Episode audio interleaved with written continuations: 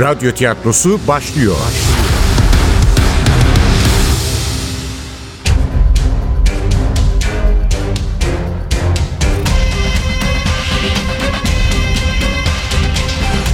Sultanı Öldürmek 10.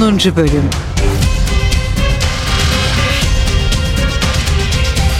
Eser Ahmet Ümit Seslendirenler Müştak Bora Sivri Başkomiser Nevzat Nuri Gökaşan. İkinci Murat Itri Koşar. Şaziye Şebnem Ünaldı.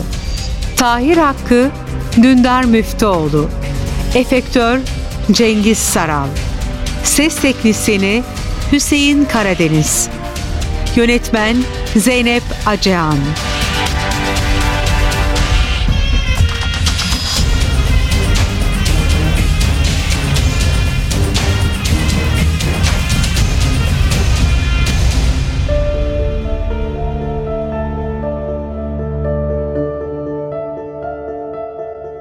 Babam keşke sağ olsaydı. Hemen bir çözüm bulurdu. Bulur muydu? Babamın benim sorunlarımla ilgilendiğini hiç hatırlamıyorum. Eğer sağ olsaydı, eğer ben de olanı biteni ona anlatacak cesarete sahip olsaydım, önce yüzüme okkalı bir tokat aşk eder, ardından şu eski moda telefonun siyah ahizesini kaldırır, ''Alo cinayet masası mı? Memur bey bir ihbarda bulunmak istiyorum.'' diyerek gereken cezanın en ağırını almam için elinden geleni yapardı. Ona göre hata cezasız kalmamalıydı. Toplumda bireyler görevlerini layıkıyla yerine getirmezlerse doğacak karışıklık bütün milletin mahvına neden olarak en azından bizim aile bireyleri böyle bir vebalin altında kalmamalıydı. Ne büyük utanç. Neyse, bir de ölmüş babamı karıştırmayalım bu meseleyi. Oraya girersek hiç çıkamayız dememiş miydi Şaziye? Hayatımızın her aşamasını çözümlemeye kalkmak mantıklı bir çaba değildir. Evet, öyle anlaşılıyor ki bu muammayı benim çözmem gerekiyor. Bir tarihçinin cinayet çözümlemesi. Nasıl olacak bu iş? Hiçbir fikrim yok. Ama eğer şimdi kendi kendime çözümleyemezsem, emniyette tepeme asılmış 100 voltluk ampulün ışığında soğuk nezarette hem de sistit acısıyla kıvranıp sık sık tuvalete gitmek zorunda kalarak. Say, cinayet çözmekle tarihi bir olayı aydınlatmak arasında nasıl bir fark olabilir? Farkı bilmiyorum ama sanırım ikisi de soru sorarak başlar işe. İkinci Murat neden tahtını çocuk denecek yaştaki oğluna bırakmak istiyordu? Çünkü yorulmuştu. Çünkü kalender engin gönüllü bir adamdı. Daha 21 yaşındayken Konstantinopolis'i fethedecek olan oğlu 2. Mehmet kadar gözü yükseklerde değildi. O yüzden. Sadece o yüzden değil. Saraydaki hizipleşmelerden, entrikalardan, kavgalardan bıkmıştı. Sadrazam Çandarlı Hallin ekibiyle Şahabettin Paşa gibi devşirme vezirlerin arasındaki çatışmalar. Ayrıca en gözde oğlu Alaaddin Ali Çelebi'nin öldürülmesini de unutmayalım. Güzel. Tahir Hoca bu yanıtı yeterli bulabilir. Peki bizim vakamızı çözümleyecek cinayet masası amiri hangi soruyu sorardı? Şu meşhur unutma kriziniz başlamadan hemen önce ne yapıyordunuz? Mantıklı. Evet, bu soruyla başlamak en doğrusu. Tamam, cevaplıyorum. Nusret'le telefonla konuşuyordum. Onun yemek davetini kabul etmiştim. Ama kabul etmeme rağmen hala bu daveti düşünüyordum. Bir yemek davetinin neyini düşünüyordunuz ki? Onca yıldır arayıp sormayan eski sevgilimin birden beni telefonla aramasını, aradığı günün akşamı davet etmesini, bu aceleciliğin, bu oldu bittiğinin altındaki nedeni niçin? Buldunuz mu bari? O an bulduğumu sanmıştım. Ne yalan söyleyeyim, o an büyük bir umuda kapılmıştım. Demek yıllar sonra Nusret beni sevdiğini anlamıştı. Demek yıllar sonra geç kalmış saadetimiz ama öyle değilmiş. Öyle olmadığını nereden biliyorsunuz? Çünkü Tahir Hoca'yı da davet etmiş yemeğe. Daha doğrusu asıl konuk hocaymış. Ben sonradan eklenmişim listeye. Utanç verici ama gerçek. Aptal bende, eski sevgilim dayanamadı. bana döndü zannediyordum. Oysa bu davetin lazanyanın amacı eski mesut günlerimize dönmek değilmiş. Neymiş peki? Bilmiyorum. Belki Tahir Hoca'ya şirin görünmek. Belki yeni bir düşüncesi vardı. Dünyayı sarsacak özgün bir çalışma. Psikolojiyle tarihin buluşması. Bir psikotarih projesi. Bir padişahın... Hayır, bu yeterince oryantalist olmadı. Bir Osmanlı sultanının psikolojik profili. Neden olmasın? Freud, Dostoyevski'den yola çıkarak baba katilliği üzerine bir tez yazmamış mı? Yani maktul Fatih Sultan Mehmet ve baba katilliği üzerine bir tez mi yazacaktı? Tam olarak baba katilliği meselesinde ısrar edeceğini sanmıyorum. Her ne kadar 2. Murat vasiyetinde öldüğü zaman cenazesini Bursa'da yatmakta olan en sevdiği oğlu Alaaddin Ali'nin kabrinin yanına koymalarını söyledikten sonra Benden sonra evladımdan, soyumdan, sopumdan her kim ölecek olursa benim yanıma koymayalar, katıma getirmeyeler. diyerek bir anlamda o sırada yaşayan tek oğlu hakkındaki hislerini dile getirmişse de böyle bir vesikadan yola çıkarak babası tarafından sevilmeyen bir çocuk olan 2. Mehmet'in padişahı öldürtmek istediği ya da bu isteğini gerçekleştirdiğini söylemek abartılı olur.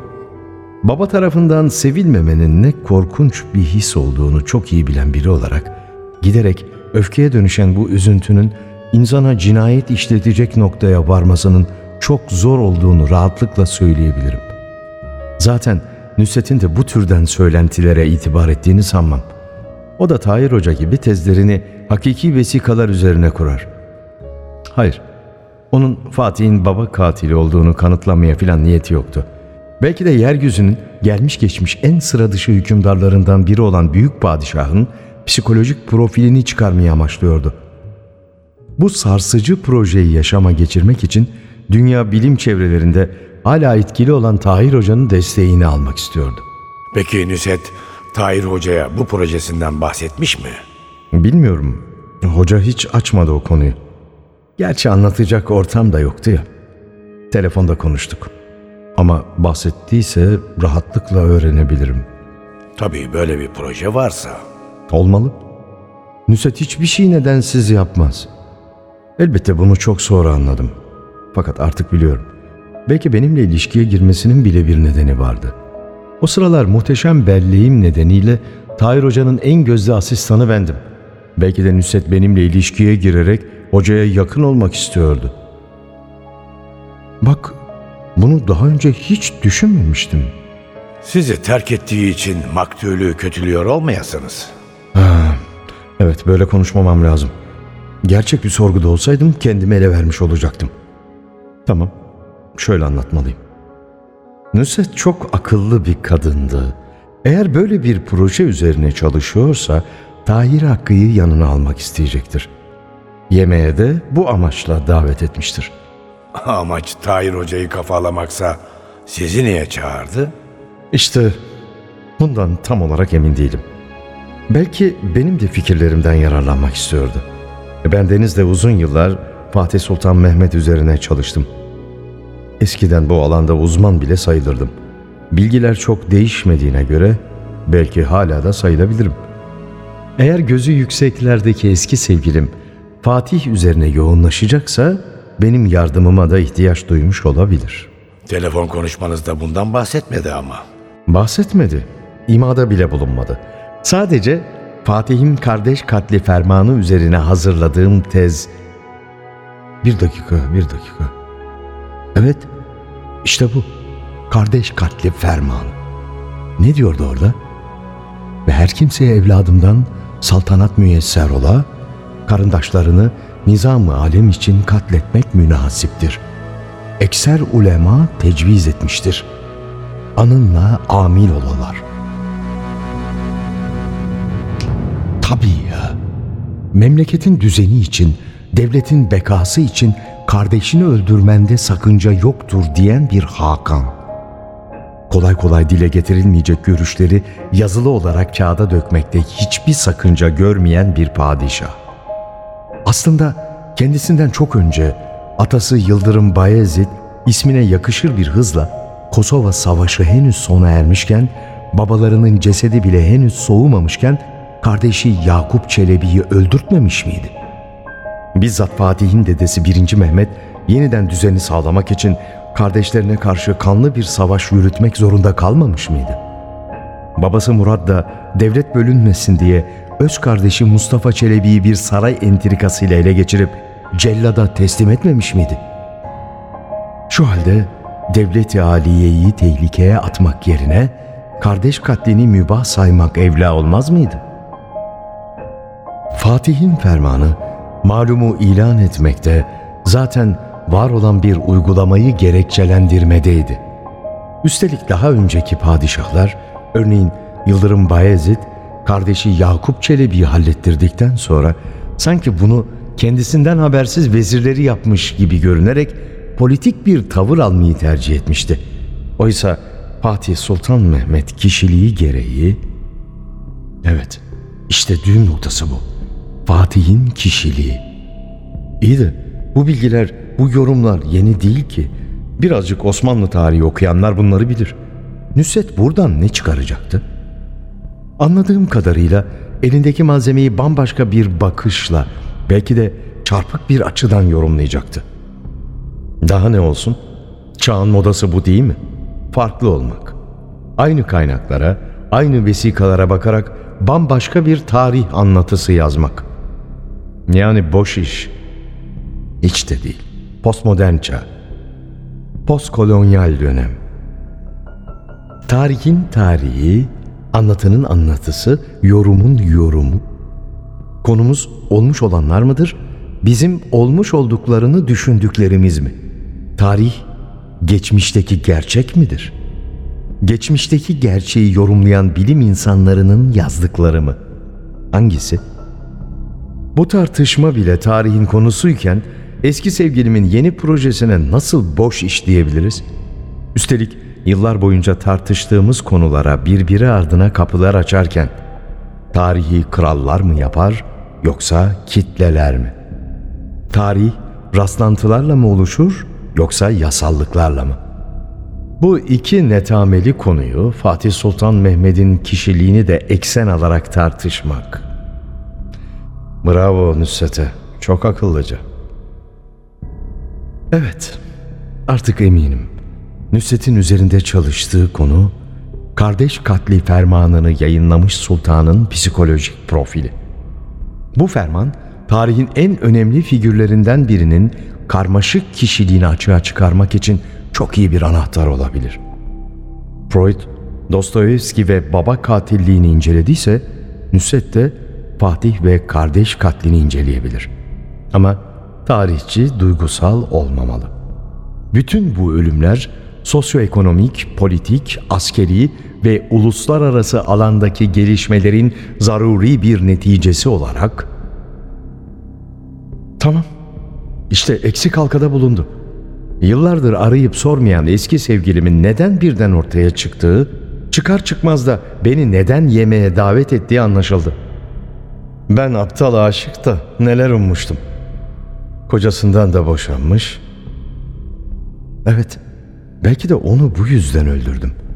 Sahtiyan apartmanına girdikten, Nusret beni dairesine buyur ettikten, belki bana çay ikram ettikten, çay mı? Çay varsa bardak ya da fincan da vardır. Eyvah parmak izi. Mutfağı kontrol etmedim. Ya orada delil bıraktıysam? Hafızamı kaybettiğim o karanlık saatlerde ne yaptığımı hatırlamıyorum ki. Ya çalışma odasına da girdiysem? Oraya da hiç bakmadım. Yok canım. Mutfağa, çalışma odasına niye gireyim? Yıllar sonra geldiğim bir evde öyle elimi kolumu sallayarak rahatça dolaşamam ki ben. Yok yok. Evhama kapılmanın anlamı yok. Belki de çay bile içmemişimdir. Hayır teşekkür ederim. Böyle iyiyim demişimdir. Onca yıldan sonra ilk kez karşılaşıyoruz. Bir tutukluk, bir heyecan olmalı. Ama Nusret'te aynı heyecan yoktur. O beni sevmeyi çoktan bırakmıştı. Sadece bilgilerinden yararlanılacak bir akademisyendim onun için. Her zamanki aceleciliğiyle muhtemelen büyük bir coşkuyla yeni projesini anlatmaya başlamıştır. Yüzümde beliren derin şaşkınlığı, hayal kırıklığını da yanlış anlamış olmalı. Belki senin için iyi olur. Bu projede adın geçerse uluslararası bilim çevresi senin de farkına varır demiş bile olabilir. Hayır, beni kandırmak için değil, büyük bir samimiyetle bunu söylemiştir. İşte tam o noktada çıldırmışımdır. Bütün bir hayatımı adadığım kadının bana rüşvet verir gibi projede senin de adın geçsin deyince sehpanın üzerinde duran, hayır hayır yanımda getirdiğim için ceketimin cebinde duran mektup açacağını kaptığım gibi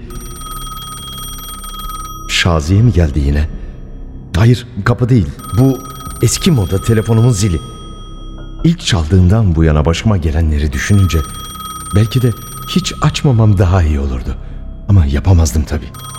Belki de Nusret'in cesedini bulmuşlardı. Kaçamazdım. Yaşanacaklara hazırlıklı olmalıydım.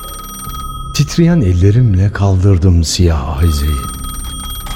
Al- Alo? Müştak, E- efendim hocam buyurun. ne oldu?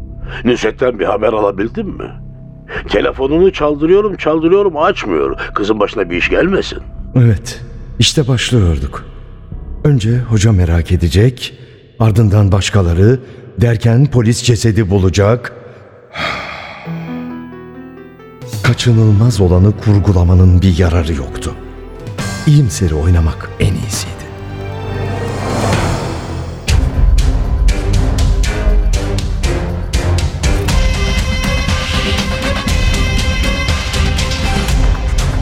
Sultanı öldürmek.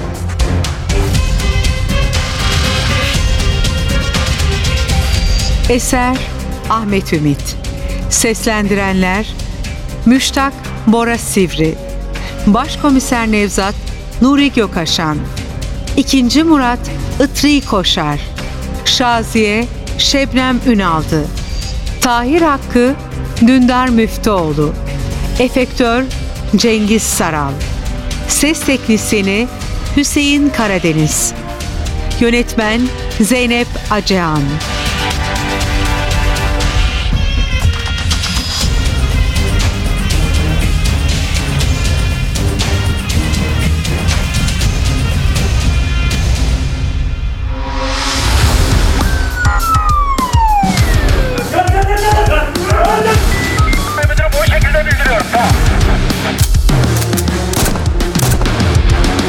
Radyo tiyatrosu sona erdi.